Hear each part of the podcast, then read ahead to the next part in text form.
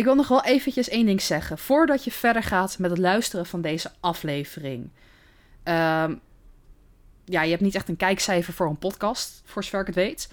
Maar ik raad je aan om minimaal 18 plus te zijn om dit te luisteren. Eh, het, is een heel heftig verhaal. Hou daar rekening mee. Het is erg gevoelig. En we gaan best wel in op eh, heftige content over wat er is gebeurd, hoe de moorden zijn gebeurd. Dus mocht je je daar niet goed bij voelen, eh, skip deze aflevering vooral eventjes. Je bent van tevoren gewaarschuwd. Ja.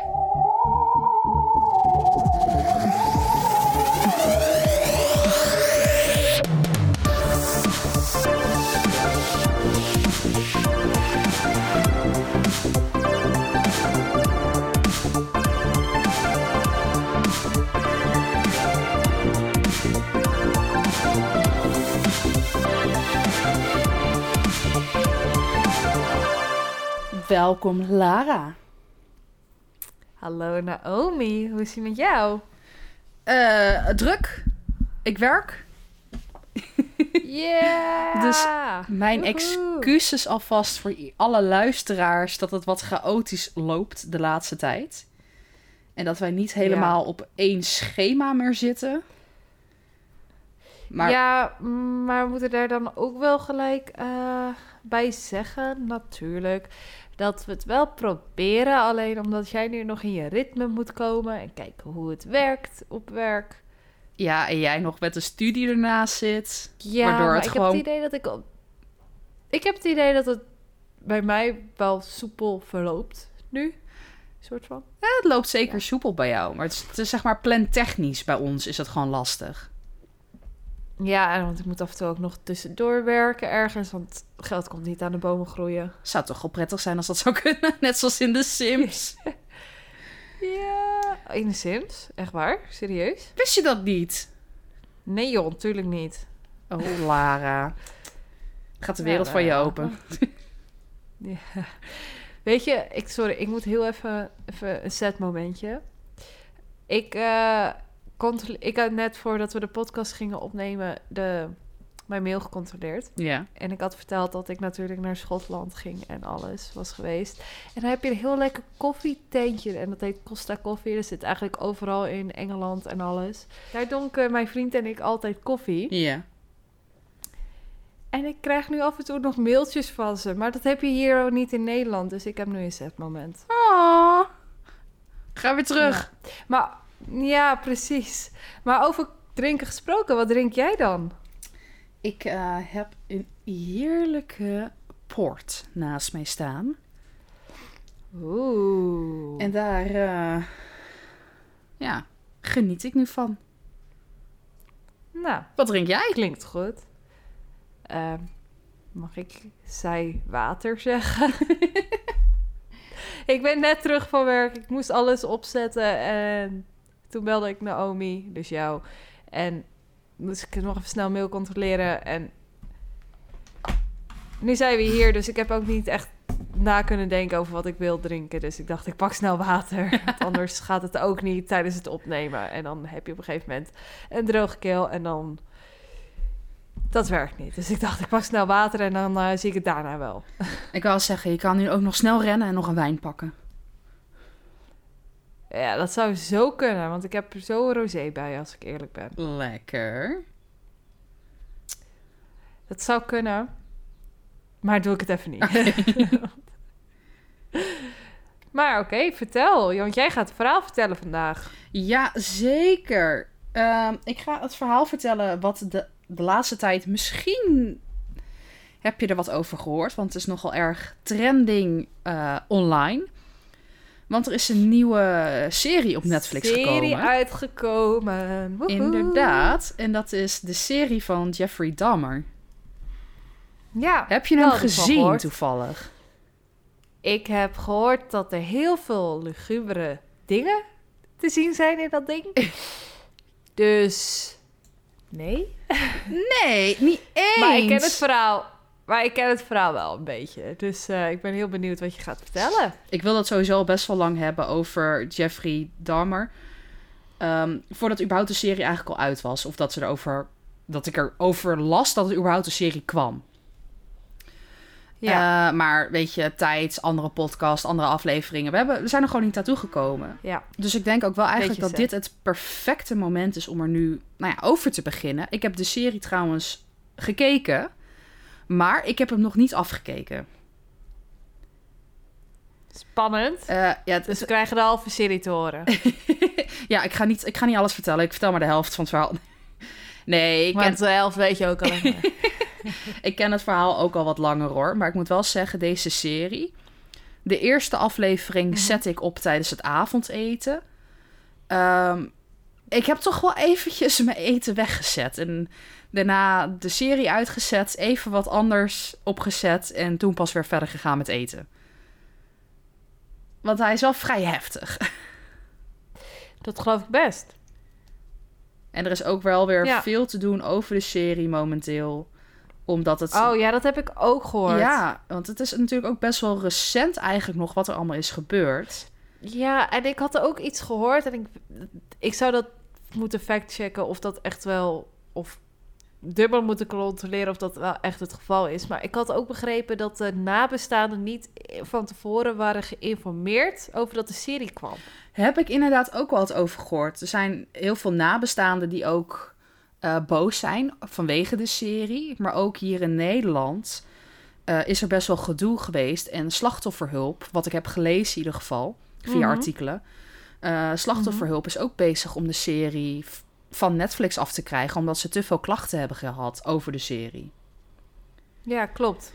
Dus- klopt, ik heb daar een filmpje van gezien. Ja, dus er is veel over Zo. te doen. Maar aan de andere kant, er, zijn, er is ook al een film over hem gemaakt. Die staat ook op Netflix. Je hebt ook de tapes waarin hij letterlijk zelf spreekt over wat er is gebeurd.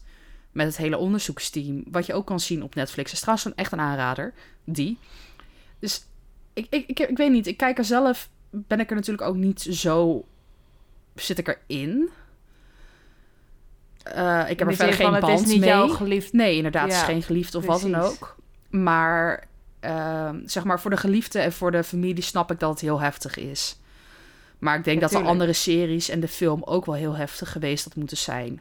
Maar ik denk voor de rest van de mensen dat het misschien wel een beetje, ja, bijna te heftig is, deze reactie. Maar dat is in mijn mening hoe ik er naar kijk. Ik heb er om eerlijk te zijn geen mening over gevormd, omdat ik de serie ook nog niet heb gezien. Nee, snap ik.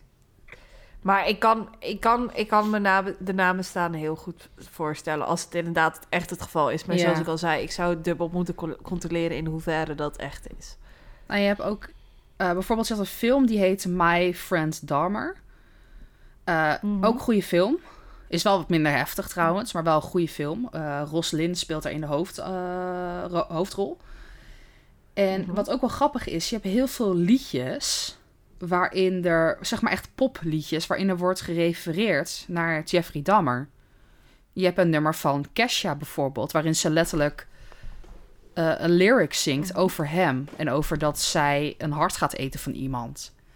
Maar ook in een nummer van Katy Perry wordt er naar hem gerefereerd. Oh, nou dat Ja. wist ik allemaal niet. Maar ik Nou- ben nu wel heel erg benieuwd naar je verhaal. Zal ik er maar beginnen?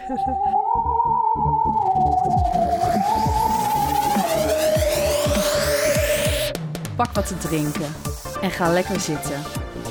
En geniet van de spannende verhalen die worden verteld op deze podcast. Ze zijn echt om bang van te worden. Zo, Neus is schoon. meteen doof hier. nee, ik dacht als jij lekker je intro doet, dan red ik heen en weer. Maar ik was nog niet zo snel dat ik mijn neus ook echt had gesnoten. Dus eh, dat is hij zelf. maar, ehm, nou, Weg- deze man heeft heel veel in de aandacht gestaan. Liedjes, films, Ja, boeken, series. Striptekening, stripboeken zijn er over hem gemaakt. Ja, Eh, en fun fact, er is Nou. een stripboek over hem gemaakt... waar dus ook de film op gebaseerd is. En dat is door de vroegere beste vriend van Jeffrey gemaakt. awesome. Ja, maar in ieder geval, Nou ja, we gaan het hebben... Een soort van awesome. I don't know. Maar we gaan Maar, het hebben ja. over Jeffrey Lionel Dahmer. Hij is geboren op 21 mei 1960. Mhm. En Jeffrey, eh, Jeffrey was een Amerikaanse serie- en lustmoordenaar. Hij deed aan necrofiel, eh, hij was een necrofiel, een kannibaal en verzamelde lichaamsdelen en skeletonderdelen van zijn slachtoffers. Eh, mensen Ja, die... dat, dat had ik wel eens gehoord, ja. ja, het is vrij heftig. Ja. Ja. Mensen noemden hem ook wel de Milwaukee Cannibal. Want dat is zeg maar, Milwaukee, dat is de plaats waar alle moorden zijn gepleegd. Of tenminste, over het algemeen alle moorden zijn gepleegd. In totaal heeft hij 17 slachtoffers eh, op zijn naam staan. En dit zijn allemaal mannen en jongens Mhm. die hij aantrekkelijk vond. Ja. Hij wilde, de volle- hij wilde de volledige controle over hun lichaam. En hij deed dit deels door directe moord, dus het meteen vermoorden van zijn slachtoffers. Mhm. Maar ook deels door het injecteren van zoutzuur. Of eh, kokend water in de hersenen gieten. Dus zeg maar of via een naald of over het hoofd heen. En dat is een soort van primitieve lobotomie. En wat is dat En- ook alweer? Lobotomie, dat was officieel vroeger een chirurgische operatie die rond het midden van de 20ste eeuw ongeveer werd dat Mhm. vooral toegepast. En dat is een ingreep wat eigenlijk eh, het voorhoofdgedeelte van de hersenen eh, ja, afhaalt en daardoor de zenuwen worden zeg maar verbroken, waardoor je dus niks meer voelt. Ja, je hebt geen controle Ja, ja, ja. meer over je lichaam. Nee, precies. Ja, oké, nee, ik Eh, weet het weer even. Oké. maar hij deed dit eh, met de bedoeling dat hij willoze seksslaven van zijn slachtoffers kon maken. En Mhm. de meeste mensen die gingen dus onbedoeld en na enkele dagen dood. Oh. Eh, de zaak Dammer is niet alleen opmerkelijk vanwege, eh, nou ja, wat er allemaal is gebeurd, Mhm. maar ook vanwege de nalatigheid van de politie. Ja, zoiets had ik ook begrepen. Maar ik weet nou niet precies wat Ja. de rol was van de politie. Maar om heel erg eerlijk te zijn, ik heb soms. Soms heb ik het idee dat seriemoordenaars ook wel. een- Niet bij al, elk geval, moet ik dan ook wel gelijk Ja. eerlijk bekennen. Maar bij sommigen is wel een beetje het geval dat het ook een beetje nalatigheid van de politie is. Dat ze niet eerder waren ontdekt of Ja. opgepakt. Nou ja, ik ga nu wat dieper in op het verhaal. En dan leer je pas echt hoe nalatend zeg maar, de politie was in dit geval. Ja, nee, maar even een random ander voorbeeld. Bij Ted Bundy bijvoorbeeld, die was twee keer ontsnapt. Ik bedoel, Ja, dat is ook nalatigheid. En daardoor zijn er ook weer meerdere moorden geweest. Maar oké, laten we... Nog geen oordeel, Lara? Let's go. oké. Ik ga nu even terug naar het begin. Mhm. Nou ja, Jeffrey Dahmer, zoals al eerder gezegd, was geboren op 21 mei 1960. Mhm.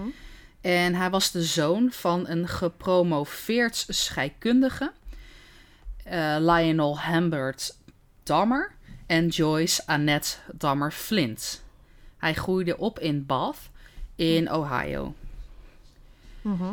En op 18 december 1966, dus zes jaar later, Mhm. kreeg Jeffrey ook een broertje. En Oh. hij mocht van zijn ouders, mocht hij zelf de naam kiezen van zijn broertje. Oh, wat leuk. Wat heeft hij... Dat is eh, echt schattig. Ja, wat heeft hij hem genoemd? David. Oh, dat is wel een leuke naam. Of David, in het Engels natuurlijk wat meer. Ja, Ja, dat, is, dat is een leuke naam. Ja. Ja. En op een gegeven moment, eh, zeg maar, Jeffrey was nu een jaartje of zes, zeven is. Op een gegeven moment tijdens het avondeten, dat ze kip aan het eten waren, eh, vroeg Jeffrey aan zijn vader wat er zou gebeuren als je de kippenbotten zou bleken. En zijn vader vatte dit op als een vraag en belangstelling, vooral in de scheikunde. En hij legde ook Jeffrey precies uit van, nou ja, hoe werkt het? Wat voor chemische producten? En hoe kan je botten bijvoorbeeld oplossen? En deze methode zou Jeffrey ook later gaan gebruiken bij zijn slachtoffers. Dankjewel, papa. Echt, Nou dus ja, dat was wel... eh, ja, maar ik, weet je, snap ik snap ook wel dat, ik snap ook wel als vader zijn en dat je er niet gelijk achter zoekt van... hé, hey, waarom wilt hij dat weten? Maar dat je denkt, oh, misschien is hij geïnteresseerd in scheikunde. Laten we, laten we Ja, dat precies. Ik zou je, dat ook willen kind. stimuleren als ik, eh, als ik ouder was. Ja, toch? Nou ja, inderdaad. En ook Jeffrey was in het begin gewoon echt een gelukkig kind. Maar wel vanaf zijn zesde werd hij steeds eenzamer. En hij raakte steeds meer gefascineerd door dierenbotten. En door dode dieren. En wat hij ook vaak ging doen, dat deed hij, deed hij ook, in ieder geval volgens de serie, af en toe met zijn vader. eh, het zoeken van overreden dieren. En zijn vader heeft hem ook geleerd hoe hij bijvoorbeeld dieren zou kunnen ontleden. Hm. En weet je, van zijn vader uit is dit gewoon puur interesse in scheikunde en biologie. Ja, nee, precies. Er zijn meerdere mensen eh, die het letterlijk hun beroep maken. Ja, nee, Bijvoorbeeld de, die- de dieren in de museums die opgezet zijn, weet je, daar moet ook iemand moet dat doen. ja, nee, dat snap ik. Maar dat is toch ook gewoon logisch? Ja. maar ja, zijn ouders die gaven hem wel, dat is wel echt zielig trouwens. Zijn ouders gaven hem steeds minder en weinig aandacht. Eh, dat kwam ook omdat zijn moeder erg depressief was. Zijn vader had het erg druk met werk. En zijn jongere broertje kreeg gewoon veel meer aandacht dan dat Jeffrey kreeg. Mm. Dus hij werd een beetje ja, in de steek gelaten. En nou ja, Jeffrey die had dus ook een hele goede beste vriend. Maar daar verloor hij het contact mee op 15 jaar. Ja. Maar zijn beste vroegere vriend, waar Jeffrey eh, dus contact mee verloor, Mhm. publiceerde later met als basis zijn eigen ervaring het verhaal van Dammers jeugd. Tot zijn eerste moord. Want En dat heeft hij naar want wanneer Ja? heeft hij precies... Dat was ook niet op een hele oude leeftijd, toch? Nee, daar kom ik zo meteen oh. inderdaad bij. Lara, je gaat weer te snel in het verhaal. Maakt niet uit. Maar het stripverhaal die heette My Friend Dahmer. En zoals ik ook al eerder vertelde, daar is ook een film van gemaakt. Mhm. Ehm, Dat had je verteld, En- inderdaad. Ik inderdaad. let wel. en Jeffrey stond er ook om bekend om bizarre grappen uit te halen. En dat stond bekend onder in de vriendengroep, maar ook op school als Doing a Dammer. Mm. Wat hij bijvoorbeeld heeft gedaan, eh, doordat hij betaald kreeg door klasgenoten en was overgehaald, heeft hij een epileptische aanval gefaked in een winkelcentrum. Dus hij deed in het winkelcentrum net alsof hij een hele zware epileptische aanval had. En dat waren, nou ja, de grapjes die hij uithield, uithaalde. Ja, maar dat kan ik nog een soort van zien als een soort... Ja, het slechte kattenkwaad, om het zo heel even te zeggen. Want epilepsie is echt ja, maar niet... ik vind het wel heftig hoor. Ja, nee, daarom zeg ik, epilepsie is niet om mee te Ja. grappen. Want ik heb het zelf ook gehad, ooit, lang verleden. Eh, maar als jij ergens bij wilt horen Ja. of aandacht wilt... en het is de enige manier waardoor je aandacht kan krijgen... Dan doe je dat misschien sneller. Ja, dus daarom... Zo, ik probeer het even te zien vanuit zijn Ja. perspectief, hè? Niet dat ik het goed wil praten of wat dan ook. Nee, nee, nee.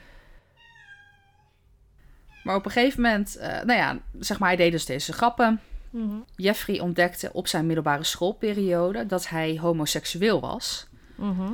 En zijn seksualiteit raakte een beetje in de knoop met zijn fantasie over de dood en zijn verlatingsangst.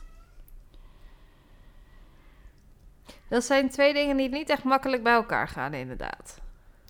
Drie dingen. Ja, dat bedoel ik. gewoon dingen wat gewoon niet handig bij elkaar past. Nee. Hij verlangde er ook. ehm, hij verlangde er naar om een seksuele relatie te hebben met een man die zich niet zou verzetten. En die al zijn seksuele wensen, nou ja, vervulde. En ook Mhm. voor altijd bij hem zou blijven. Het klinkt eigenlijk best wel. Het klinkt echt heel triest en heel Het- alleen. Het klinkt inderdaad gewoon... Nou ja, misschien is zielig het verkeerde woord. Ja. Maar triest, ja. Ik denk dat triest het Of alleen. Alleen. Is het ja, inderdaad. grootste. Gewoon alsof hij zich echt heel alleen voelt. Ik bedoel, het is wel een heftige gedachte dat hij meteen uh, wilt dat zijn partner zich absoluut niet verzet en dat hij alles met diegene kan doen wat hij zelf wil. Ja. Um, bedoel, het kan een, een kink zijn van iemand. Ja. Maar het, het, is, het is wel, uh, zeg maar, het, het, escaleert gewoon heel erg. Ik zou het best heftig vinden als mijn vriend opeens nu zou zeggen... Ja, wij gaan nu seks hebben en jij mag er niks tegen doen. Oh, okay. nee, je hebt natuurlijk... Uh, ja, sommige mensen houden ervan. Ja. En dat is hun je recht. hebt ook submissives in dat op zich. En je hebt ook weer dominante mensen. Ja. Dus het, het weet je, het kan normaal zijn. En het kan goed zijn dat je zoiets wil. Ja. Maar bij hem gaat het extreem te ver. Ja, precies. En dat komt ook gewoon door alles wat een beetje in zijn hoofd uh, niet helemaal goed gaat. Ja. Nou ja, het schiet gewoon lekker niet op. Laat het zo zeggen. Want, nou ja, uit deze wens die hij had, heeft hij dus ook, uh, is necrofilie, is uh, eigenlijk ontwikkeld. En dat is dus seks hebben met iemand die is overleden. En hij heeft ook op een gegeven moment, uh, nou ja, is hij dus cannibalisme heeft hij ontwikkeld. En dat kwam eigenlijk doordat hij dan zijn slachtoffers kon hij dan opeten. Zodat zijn slachtoffers een deel van hem werden en nooit meer weggingen. In zijn hoofd dan. Dan heeft hij niet goed opgelet bij biologie. nee.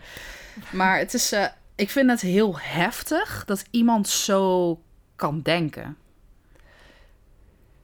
Ja, maar hier hebben we al zo vaak gediscussieerd over tijdens de ja. podcast. Maar het is ik, in dat ik snap het wel heel echt niet hoor. Maar ik, ik vind het ook echt heftig. Maar ja, ja wat moet je erover zeggen? Uh, ja, het is ook wel echt heel interessant om daarom de tapes te kijken. Staat ook op Netflix. Want hij wist wel dat hij fout zat.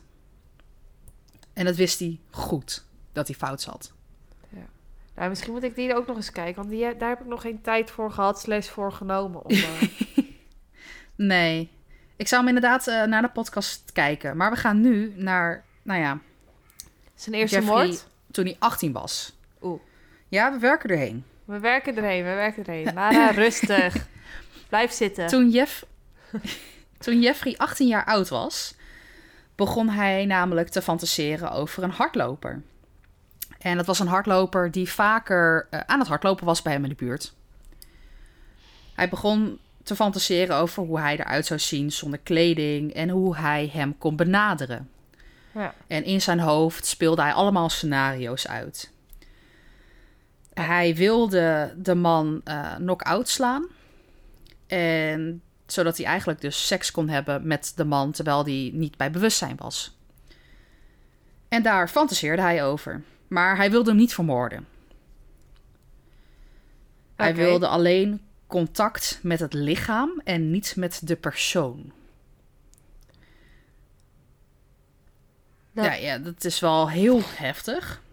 Dat ieder zijn ding Ja, dan, denk maar ik. het was eerst een fantasie. Maar uiteindelijk heeft hij alles gepland en ging hij achter een boom wachten totdat de hardloper langskwam. Ouch. Maar de hardloper kwam nooit langs meer en hij dacht, weet je, laat maar. oh, die We hardloper. gaan, eh, Oh, ik ben zo blij voor die hardloper. Oh. Ja. op een dag dat die hardloper, ik ga hier niet meer hardlopen. ja. Beste besluit ooit. Ja, maar ook echt. Maar eh, nou ja, hij had het dus wel gepland, maar heeft uiteindelijk dus niet die daad gedaan. Ja. Nou ja, toen hij 18 was, zijn ook zijn ouders gaan scheiden. En dat was voor Jeffrey ook best wel traumatisch. Snap ik. En hij woonde tijdelijk alleen in zijn huis. Zijn vader woonde namelijk in een motel in de buurt. En zijn moeder was kort daarvoor met eh, zijn jongste broertje verhuisd naar Wisconsin. Dus hij was ook alleen. Ja, Ja, Jeffrey was echt op zijn achttiende woonde, daar, woonde hij echt helemaal alleen eigenlijk. Ja. Dat In ieder geval tijdelijk. Ja, precies. Dat is eigenlijk wel echt een soort... Ja. Zielig, om het zo even te zeggen. Nou ja, en dan komen we nu aan op 18 juni 1978. Eén dag voor mijn verjaardag, soort van. ja. Hij gaf namelijk Stephen Mark Hicks een lift en hij zag zijn kans om hem mee te lokken naar zijn woning en hij gaf hem daar alcohol. Toen Hicks op een gegeven moment wilde vertrekken, zag Dahmer dit niet zitten en hij vermoordde hem met een metalen halter. Dus dat was zijn die woog- eerste... eerste Dit was moord. zijn eerste moord. Oké. Hij probeerde hem eerst te slaan en daarna wurgde hij hem. Hm. Op een gegeven moment heeft hij het. eh, nou, eerst heeft hij het lichaam onder zijn huis verborgen. Ja. In de kruipruimte. En daarna heeft hij het lichaam weer gepakt. Onder het kruipruimte vandaan. En toen begon hij eh, met het lichaam in stukken te za- zagen. En terwijl hij dat deed, raakte hij daar erg opgewonden van. En begon hij dus ook met masturberen. Wat echt gewoon ziek is. Ja. Dan ben je niet goed. Dan is er iets extreem mis. Dan is er iets goed. Hij was 18 jaar oud. Ja. Ja. Eh, maar op een gegeven moment heeft hij dus het lichaam in vuilniszakken in zijn auto gedaan. En reed hij naar een ravijn toe om daar het lichaam in te werpen. Of in ieder geval de zakken. Ja. Maar ondertussen werd hij aangehouden door een politieagent. Oh, nee. God. Ja. Ik bedoel, oh, oh oké. eh, ja, eh, hallo. Ik heb geen lichaam bij me. Dat is... Nou, Ja. Hij werd aangehouden door de politieagent omdat de politieagent eerst dacht dat hij dronken was en aan het rijden was, omdat hij over een, eh, zeg maar, het midden van de weg heen ging. En hij moest toen een test doen om te kijken of hij inderdaad gedronken had. Nou ja, hij had niet gedronken, dus dat was allemaal prima. En op een gegeven moment moest hij zijn kofferbak open doen. De politieagent zag de vuilniszakken liggen en hij zei van, hé, hey, wat is dit? En Jeffrey zei, super kalm, super rustig. Mijn ouders zijn eh, aan het scheiden en ik kon er niet van slapen. Dus ik dacht, ik gooi maar vast de vuilnis weg. En die politieagent die dacht, helemaal prima. En die ging er weer vandoor. En toen kwam Jeffrey er dus ook echt achter dat hij mensen best wel makkelijk kon manipuleren. Eh, en in plaats van alsnog verder te gaan met zijn plan om het lichaam te dumpen in het ravijn, is hij weer teruggereden naar huis toe en heeft hij de zakken met de resten van het lichaam erin in zijn tuin begraven. Oké. Ja. Leuk. het, is, het is echt heel heftig. Ja, het is- het- ik weet ook even niet zo goed wat ik moet zeggen, dus beter dat je even doorgaat. Ja. nou ja, zijn vader besloot op een gegeven moment om weer thuis te gaan wonen, want ja, het ging niet zo goed met Jeffrey. Wauw, nee. ook wel logisch dat? Ja, oh, dat had ik niet zien aankomen. Nee. Nou ja, hij ging studeren, maar hij stopte al na drie maanden met de studie in verband met het vele alcoholgebruik wat Jeffrey deed. Want Jeffrey werd, of inderdaad in die tijd eigenlijk van het scheiden van zijn ouders, eh, greep hij veel naar alcohol. Dus hij was vooral een alcoholist op dat moment. Ja, Hij was op dat moment een alcoholist. ja. Eh, nou ja, na die drie maanden moest hij het leger in van zijn vader en zijn stiefmoeder. Want zijn vader was alweer hertrouwd. Oh, dat gaat lekker snel. Inderdaad. Hij heeft hier veldtraining gehad en ook training in de ziekenboeg. Eh, maar hij werd uiteindelijk ook uit het leger gezet vanwege het vele alcoholgebruik. Oh, poor guy. Nou ja, drie jaar later, dus weet je, hij heeft eventjes in het eh, leger gezeten, maar drie jaar later kwam hij weer thuis. En de zakken met Hicks zijn lichaam erin lagen nog steeds in de tuin van zijn ouders. That's creepy. Hij heeft toen toch maar uiteindelijk besloten om, eh, nou ja, delen van het lichaam te verspreiden in het bos. En het erge is, pas in 1991 leerden de ouders van Hicks wat er was gebeurd met hun zoon. Wa Dus het is was... 13 jaar later. wa- wa- t- dus hij was gewoon Hij was- vermist en... Hij was gewoon vermist. Geen idee. Van de een op de andere dag van de aardbodem verdwenen. Oké, daar heb ik even niet anders over te zeggen dan die hele diepe zucht. Ja. Ik wil niet Nou ja, weten Jeffrey- wat die ouders hebben doorgemaakt. dus eh, ja. Nee. ja. Jeffrey heeft lang met deze moord geworsteld. Eh, dat is naar eigen zeggen ook vanuit de tapes is dit. Ja. Hij heeft naar eigen zeggen lang met deze moord geworsteld. En hij zei dat dit niet zijn bedoeling was om dit te doen. En hij heeft er zelfs over nagedacht om zichzelf aan te geven bij de politie.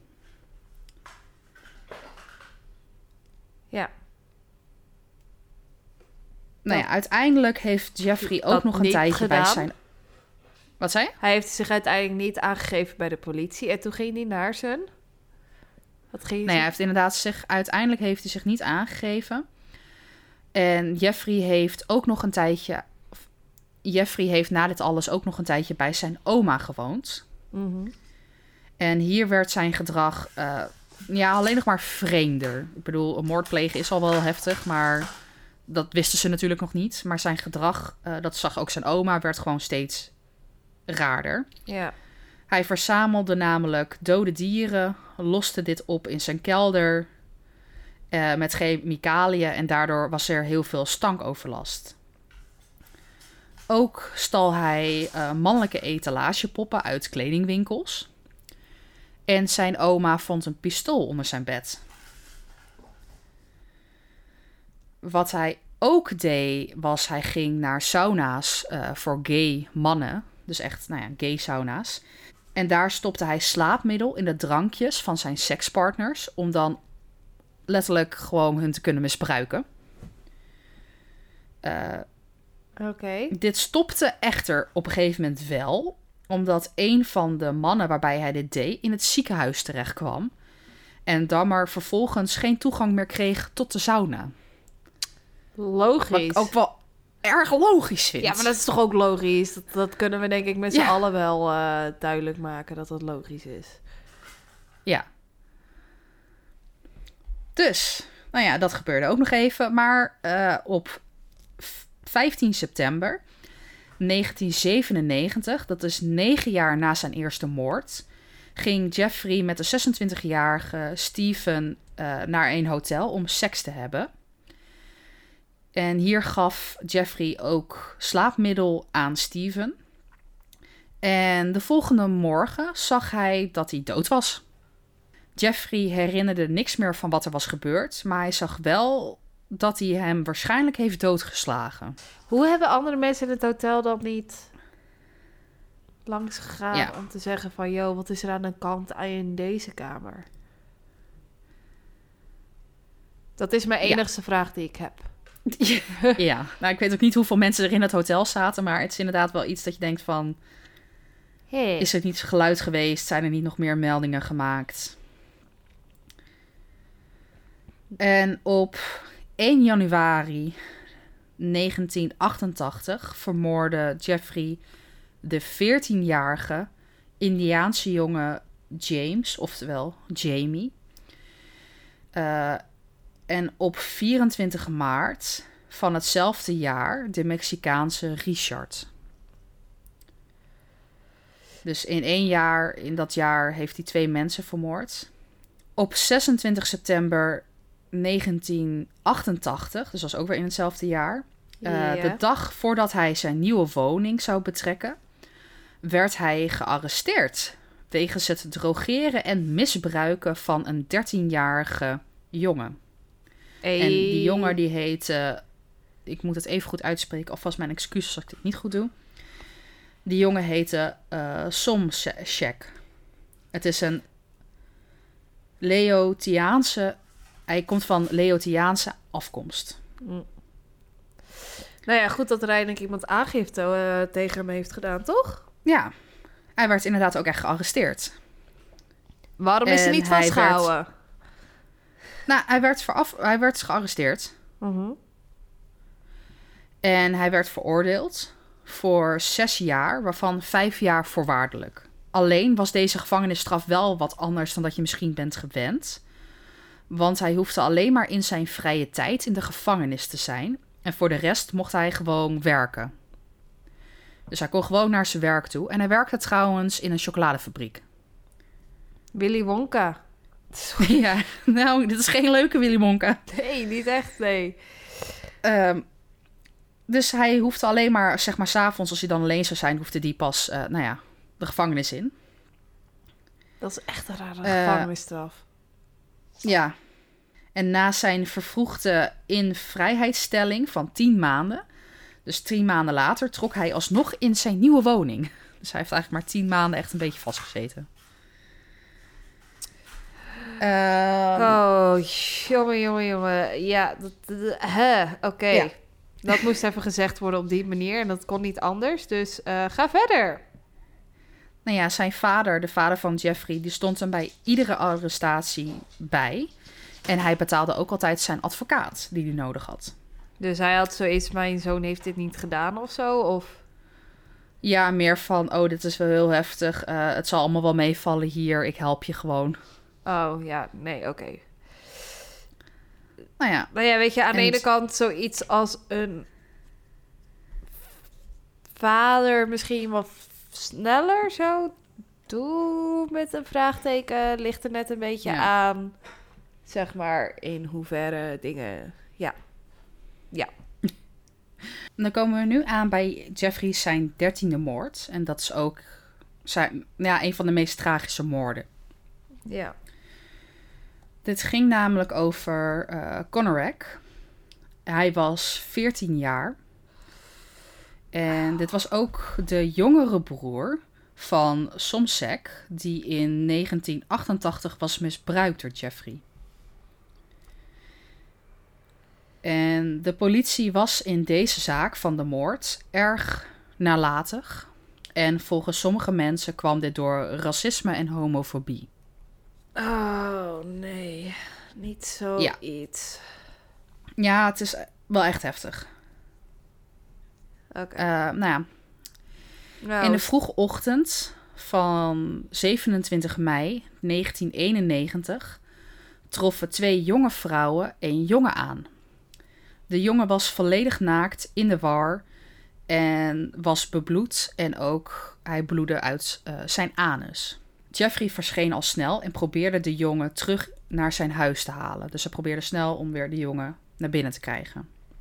maar de, hadden die de vrouwen, vrouwen- dan inderdaad zoiets van, eh, nee. Inderdaad, de vrouwen dachten: dit is, dit is niet goed, dit is echt heel raar. Ja, tuurlijk. Dus de vrouwen weigerden en ze hebben de politie gebeld en een ambulance. Maar de politie geloofde het verhaal van Jeffrey. Hij vertelde namelijk dat deze jongen 18 jaar oud was en dat ze samen hadden gedronken, maar dat hij net een beetje te veel heeft gedronken.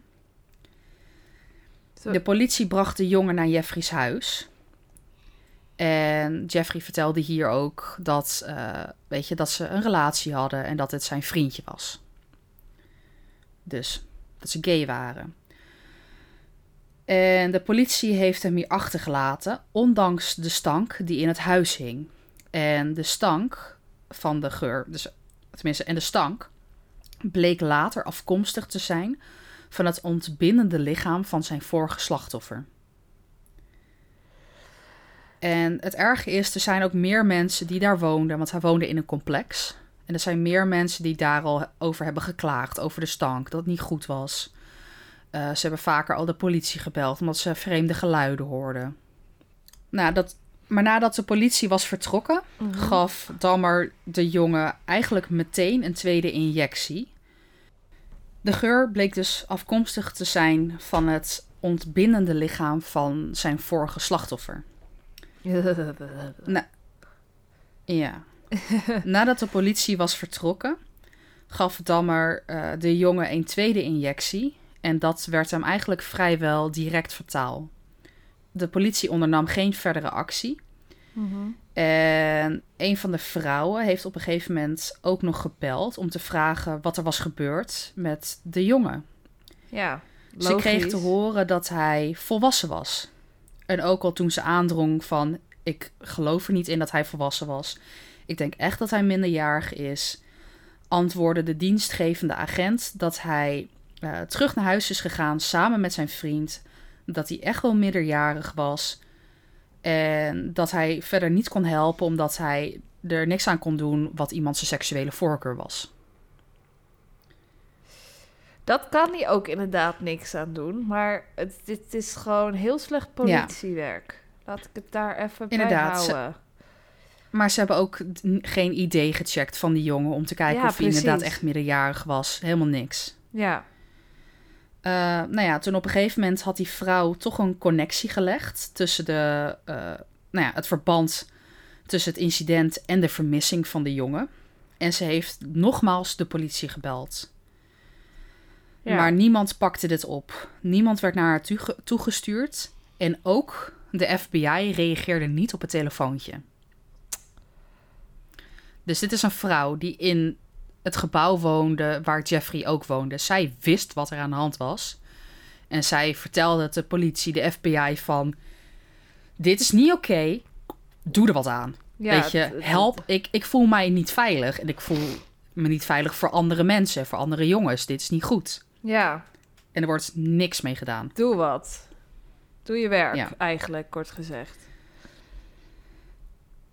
En op 22 juli. Oh, sorry. Op 22 juli 1991 lokte Jeffrey Tracy Edwards mee naar zijn woning. lokte Jeffrey Tracy Edwards mee naar zijn woning. Edwards weigerde zich te laten handboeien door Jeffrey. En Jeffrey ja, vond dat niet zo leuk. Dus hij bedreigde hem met een mes en dwong hem, naar, hem om naar zijn slaapkamer toe te gaan. Tracy zag hier foto's van dode verminkte lichamen. En er hing ook een enorme stank in zijn slaapkamer. En op dat moment wist Tracy het zeker dat hij de volgende slachtoffer van Jeffrey zou worden. Ja, Tracy eh, sloeg Jeffrey in zijn gezicht en trapte hem in zijn maag en wist gelukkig te ontsnappen. Op straat, halleluja. kwam, ja, Ja, sorry. op straat kwam hij een politieauto tegen. En de politieagenten gingen met hem mee naar de woning van Jeffrey Dahmer. Mhm. Ehm, in de woning troffen zij foto's aan van de lichamen en een mes. En ook vonden ze een hoofd in de koelkast. Dus safe to say dat Jeffrey werd gearresteerd. Ja, nee, precies. Eindelijk iets goeds wat ze doen. Ja. Verder, nadat dus de politie verder onderzoek ging doen in de woning, kwamen ze nog drie andere hoofden tegen. Ze kwamen een menselijk hart tegen in de koelkast. Nou ja, alle foto's van de verminkte lichamen van de slachtoffers, die eh, nogal erotisch getint waren. Mhm. Verder vonden ze meerdere menselijke schedels, die ook vaak grijs geverfd waren om de indruk te wekken dat het niet echte schedels waren, maar dat ze meer een beetje van plastic waren. Ook vonden ze een voorraad van glo- eh, chlorofoam, en dat is om de slachtoffers mee te bedwalmen. Ze vonden afgesneden handen en afgesneden eh, geslachtsdelen op sterk water. En de politie haalde ook een hele grote pan uit de woning. Mhm. En een vat met zoutzuur waar een lichaam in zat.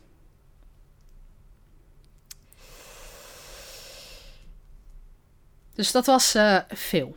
Ja, dat is nog... Dat is niet niks. Nee. Nee. In juni 1994 is Jeffrey vermoord in de gevangenis. Op dezelfde wijze hoe hij zijn eerste moord had gepleegd. Door een andere gevangene. Ja. Nou ja, aan de ene kant zou je zoiets kunnen zeggen verdiende loon, maar Ja, aan de andere kant heb ik ook weer zoiets van ja, je mag ook wel echt wegkwijmen in de gevangenis voor de rest van je leven. Ik weet nou niet wat een betere straf is, vraag ik me soms af. ja. Nou ja, het is ook wat wel apart is, wat ook werd gezegd. Ehm, want Jeffrey is vermoord, maar een andere gevangene is op dat moment ook vermoord. Er waren twee gevangenen vermoord door dezelfde andere gevangene. Ja.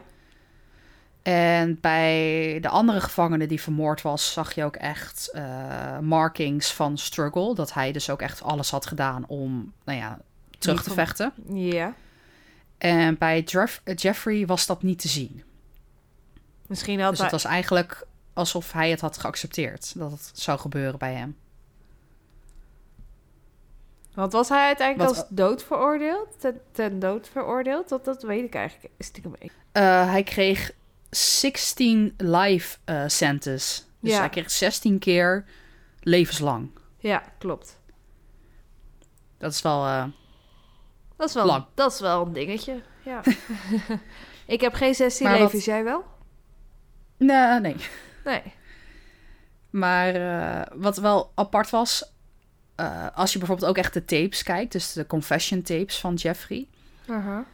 Hij was heel erg open over zijn daden. Hij vertelde er heel open over, wat eigenlijk eng is. Ja. Hij vertelde het, eh, maar ook heel veel mensen zeiden: Het is een hele aardige jongen. Hij werkt altijd mee. Zelfs bij de politie zeiden ze dat. Van hij werkt altijd met ons mee. Het is allemaal goed. Hij is heel netjes. Hij is heel aardig. Mhm.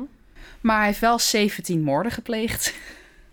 Maar ik vind het soms zo jammer van dit soort dingen dat ik denk van... In hoeverre ehm, is, is dit gemaakt, zeg maar? Ik bedoel, op een gegeven moment kreeg hij wat minder aandacht. Maar ik heb nou niet echt... En zijn jeugd is misschien niet het Ja. vrolijkste van je het geweest. Maar ik denk ook weer niet dat ik denk van... Dat het, dat het letterlijk... eh, Ik denk dus niet dat het zo ernstig was dat het, het dat zijn jeugd hem heeft gemaakt zoals hij bijvoorbeeld is geworden. Snap je wat ik bedoel? Nee, maar het is ook. Ja, maar het is ook. Dat is wel interessant. Daarom zeg ik nog wel. Geef ik echt iedereen de aanrader om de tapes te luisteren. Mhm. bij de tapes heb je natuurlijk ook de mensen die echt in de zaak eh, aanwezig waren, die de zaak hebben gedaan. Zelfs de advocaat van Jeffrey praat ook erover. Ja. Ehm, ze hebben op een gegeven moment een psychologisch onderzoek laten doen. En daarin gaven ze ook aan dat hij inderdaad, nou ja, het even zo te zeggen, niet helemaal goed was. Mhm. Hij was inderdaad eh, gediagnosticeerd met necrophilia. Ja. En dat is een diagnose die je ook gewoon echt kan krijgen. Weet je, je hebt mensen die er ook wat mee doen. En je hebt mensen die er niet wat mee doen, Ja. maar het nog steeds wel zo voelen. ja. Ehm, dus ze wilden ook bij zijn eerste zaak, eh, zeg maar de eerste hoorzitting, Mhm. hadden ze het ook gezegd op eh mania. Dus dat hij gewoon niet helemaal goed was, dat hij het zelf niet door had wat hij deed. Omdat het voor hem echte gevoelens zijn die hij heeft. ja. Maar het is echt, het is een hele ingewikkelde zaak eigenlijk. Er is heel veel gebeurd. Eh, het, Slecht zijn, politiewerk, laten we ook het is eerlijk zijn. absurd. Ja. Ja, nou ook slecht politiewerk inderdaad. Maar hij is een paar keer, zijn er momenten geweest dat de politie hem al veel eerder had kunnen pakken. Ook bij de dertiende moord bijvoorbeeld met die jongen die naakt op straat was, die nog maar 14 jaar oud was. Mhm. Als de politie toen al beter onderzoek had gedaan en wel had gedacht, gedacht van hé, hey, deze geur ruikt niet helemaal goed, toch is dit een beetje gek. ja, dan maar- had hij, hadden ze al meerdere moorden voorkomen. En dan had die jongen misschien nog wel geleefd. Ja. Maar ja, weet je, aan de andere gewoon- kant moet je ook wel niet om de politie goed te praten, om het zo even goed grofweg te zeggen. Maar je mag ook weer vanuit privacy schending, dat is tenminste zo in Nederland. Ze moeten een verklaring hebben dat ze je huis mogen onderzoeken. En politie mag niet opeens uit zelfbeheersing of zelf, zelf initiatief, om het zo even te zeggen, een huis gaan onderzoeken zonder Wat ze wel hadden kunnen doen is inderdaad het idee controleren. Die jongen meenemen naar het politiebureau. En dan kijken van, oké, er hing ook een rare geur. Kijken of ik dan een wettelijk papiertje krijg... zodat ik zijn huis mag onderzoeken. Nou ja, je mag niet zomaar iemands huis onderzoeken, maar als er zo'n stank hangt, weet je. Stel dat je een deur open ziet en je ziet iemand vastgebonden aan een trap hangen. Dan is het ook niet zo van, oh, ik ga eerst even naar het politiebureau om even een Nee. huisbevel... eh, Dat te is anders, maar... eh, nou, het is wel een beetje... Nou, het, Weet je, ze hadden wel die echt... Eh, kijk, ze waren ook binnen, hè. De politieagenten waren binnen. Ja, maar het is anders een geur of echt zien. Ja, dat Ja. is misschien even heel erg Nou ja, zeg grofweg maar, gezegd, maar je snapt denk ik een beetje wat ik bedoel. Als je de serie kijkt, daarin geeft ze echt best wel een goed beeld over wat er is gebeurd. Dan denk ik dat je er anders over denkt.